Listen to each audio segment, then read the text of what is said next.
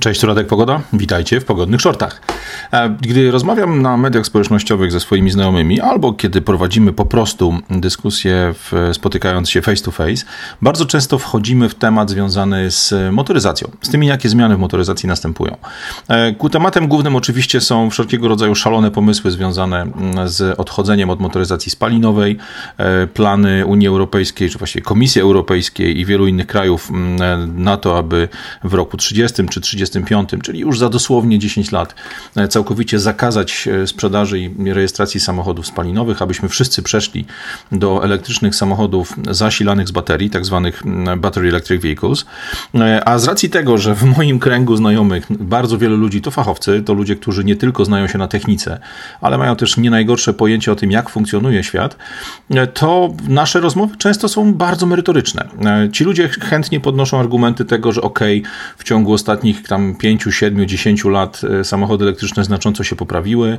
Ich jakość, ich mm, e, trwałość, ich wszelkiego rodzaju parametry techniczne e, są dużo, dużo lepsze niż były 10 lat temu, więc do tego roku 2030 czy 35 spokojnie będziemy w stanie oprzeć się o nie jako główne źródło naszego transportu, jako główny środek naszego transportu, bo przecież one wykonają w tym czasie wielki skok do przodu.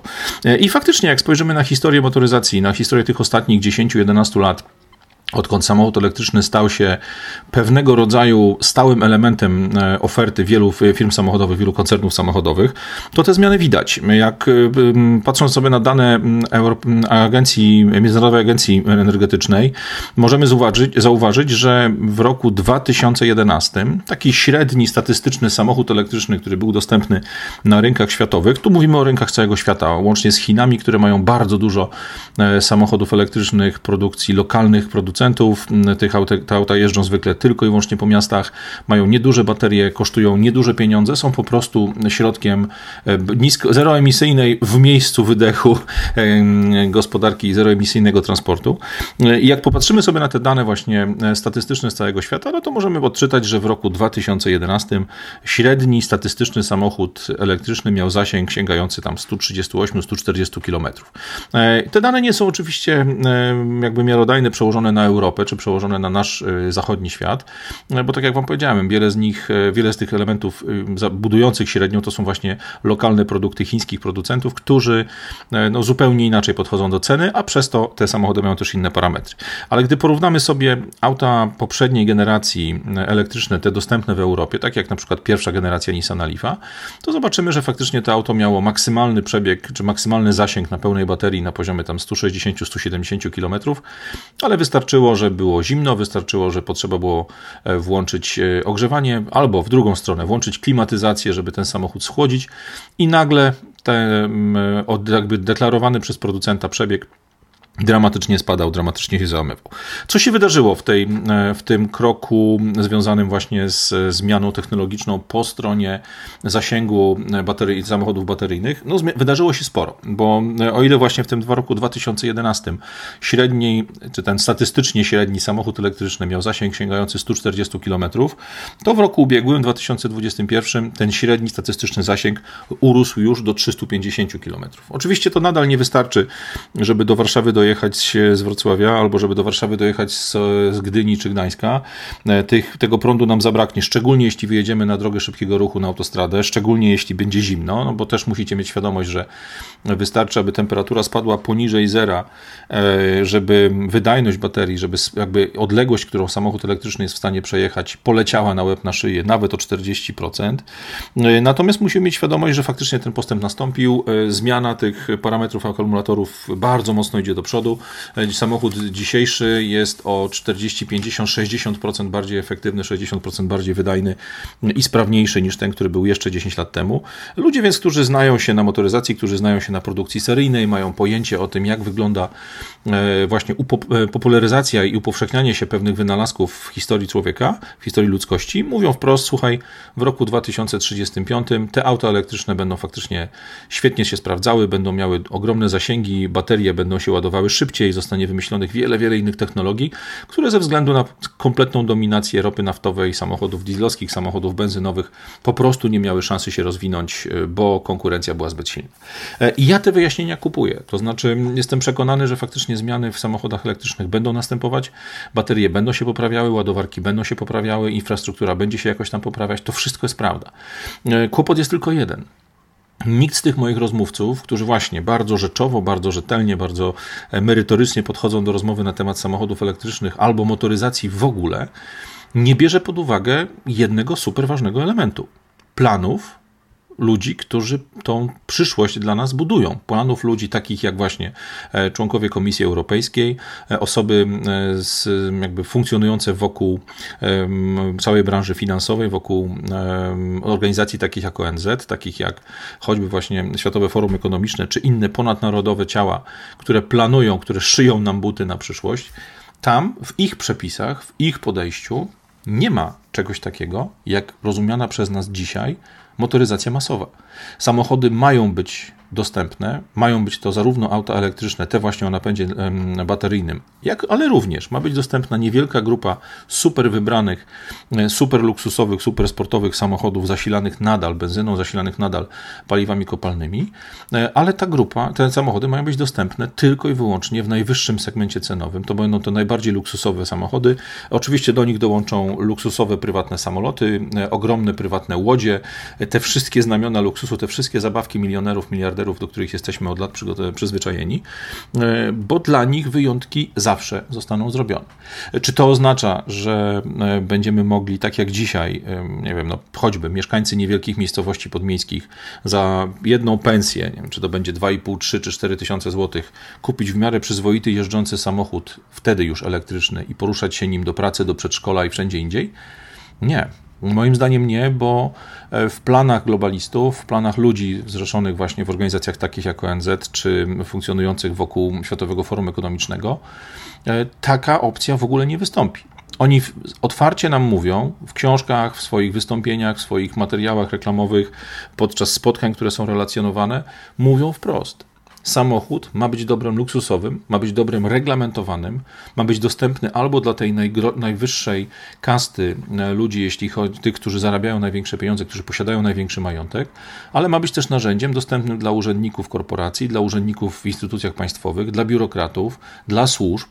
E, I to, o czym mówią, ten obraz, który nam pokazują, jasno przekłada się na działania, które my już dzisiaj widzimy tak naprawdę, jeśli ktoś e, no, z, naszego, z naszej części świata pamięta, jak wyglądały ulice Warszawy w latach 60., 70., czy jak wyglądały ulice Moskwy w latach 80., to wie doskonale, czy nie tylko Moskwy, każdego miasta, dużego miasta w krajach właśnie demoludów, w krajach e, dawnego RWPG, tego obozu wschodniego, doskonale wie, jak to będzie wyglądało.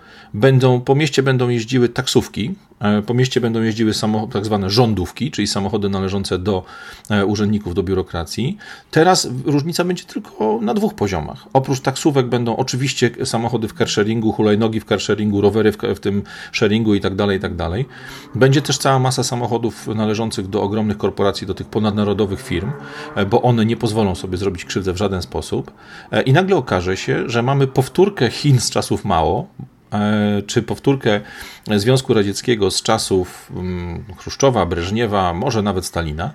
Tyle tylko, że rozszerzoną i wzbogaconą o to, że nie tylko partia, nie tylko aparat państwowy, ale również wielkie korporacje, również wielki biznes ma dostęp do tych e, owoców e, zastrzeżonych do tego, co. Mm, przepraszam Was do tego zakazanego owocu, którym samochód dla indywidualnego użytkownika cały czas będzie. E, jak na to popatrzycie sobie z, takich, z punktu takich codziennych działań, no to oczywiście mamy e, książki, wystąpienia ludzi z, związanych z Davos, związanych z Światowym Forum Ekonomicznym, mamy e, zapowiedzi już otwarcie wygłaszane przez europejskie i nie tylko europejskie, ale zachodnie rządy, które mówią wprost, 2035 rok to jest koniec możliwości rejestrowania samochodów z napędem spalinowych, ale generalnie rzecz biorąc, widać to też w całej masie innych drobnych działań, czy tam drobniejszych działań, które wykonują rządy, które wykonują ludzie rządzący nami na innych również poziomach. E, oprócz tego, że nie będziemy mogli rejestrować tych samochodów e, spalinowych, będziemy de facto coraz bardziej karani za to, że próbujemy samochodami się poruszać.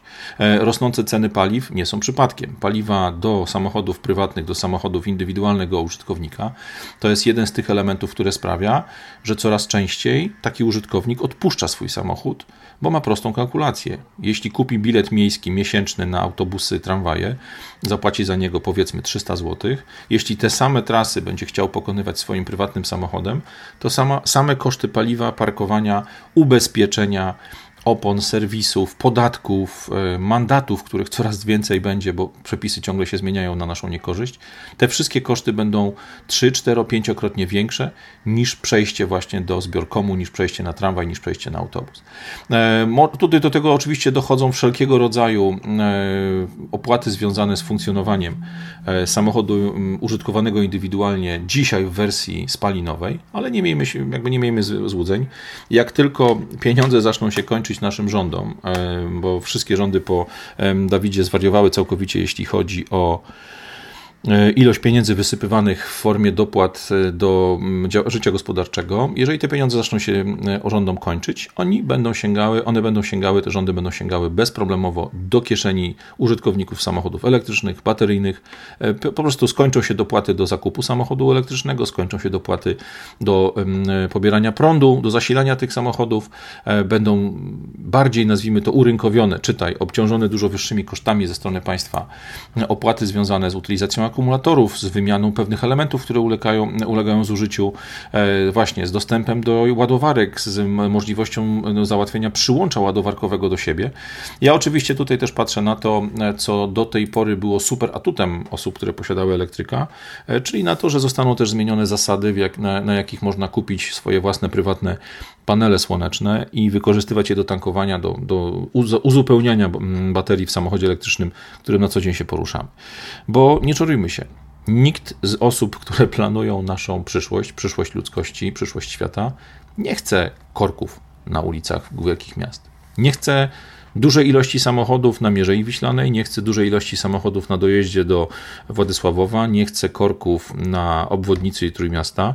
Ci ludzie chcą wsiąść swoją luksusową limuzynę w centrum Warszawy i za 2-2,5 godziny chcą spokojnie, bez korków dojechać do pięknej plaży, na którą na której nie będzie konkurencji, na której nie będzie osób, które przyjechały z połowy Polski swoim samochodem, bo będzie to dla nich po prostu zbyt drogie, będzie to zbyt kosztowne, nie będzie ich stać na to, żeby taki samochód sobie załatwić. A miejsc w pociągach, jak już pokazał rok 2022, po mm, e, przyjęciu do Polski ogromnej ilości e, imigrantów, którzy dostali prawo darmowego przemieszczania się, miejsc w pociągach, miejsc w autobusach dalekobieżnych nie będzie wiele więcej niż jest dzisiaj. Miejmy świadomość, że o ile od strony technicznej, od strony możliwości, możliwości mm, stricte technologicznych, technicznych, ludzkość zawsze radziła sobie z problemami, zawsze udawało się wymyślić lepszą baterię, lepszy zasilacz, e, lepszą drogę, lepszy parking, lepszą oponę, e, środek napędowy itd., tak itd., tak to z betonowym urzędnikiem żadna żaden wynalazek, ludzkości nie ma szans. Jeżeli urzędnik na coś się uprze, jeżeli jest inspirowany i pilnowany w ramach utrzymywania kursu przez zleceniodawcę danego tematu, Taki urzędnik jest niezatapialny. Nie ponosi za nic odpowiedzialności i nigdy nie ustąpi. On nigdy nie odpuści tego, co chcą osiągnąć jego panowie, co chcą osiągnąć ludzie, którzy planują dla nas przyszłość. Dla nas proli będzie rower i hulajnoga w sharingu oraz zbiorką. Oczywiście tylko wtedy, jeśli w systemie społecznej oceny ilość punktów, jaką mamy na naszej aplikacji, będzie wystarczająca. Dla nich, dla ludzi tych, którzy będą właśnie urzędnikami korporacji, urzędnikami z aparatu państwowego, działaczami, bogaczami itd., tak dla nich będzie to co nam zostanie zabrane. Mam nadzieję, że e, macie swoje przemyślenia na temat motoryzacji. Ja niestety obawiam się, że taki właśnie będzie jej obraz, że widzimy jej ostatnie drgnienia, że widzimy jej ostatnie chwile. E, dlatego cieszmy się, póki możemy, tym naszym małym, tanim samochodem, tym, że możemy pojechać w góry, na Mazury, na grzyby, na ryby, wtedy, kiedy chcemy, wtedy, kiedy naprawdę chodzi nam to po sercu chodzi nam to po głowie. Może się okazać, że niestety nie będziemy mieli takiej okazji. Radek Pogoda, pogodne shorty z zakółka. Trzymajcie się, cześć.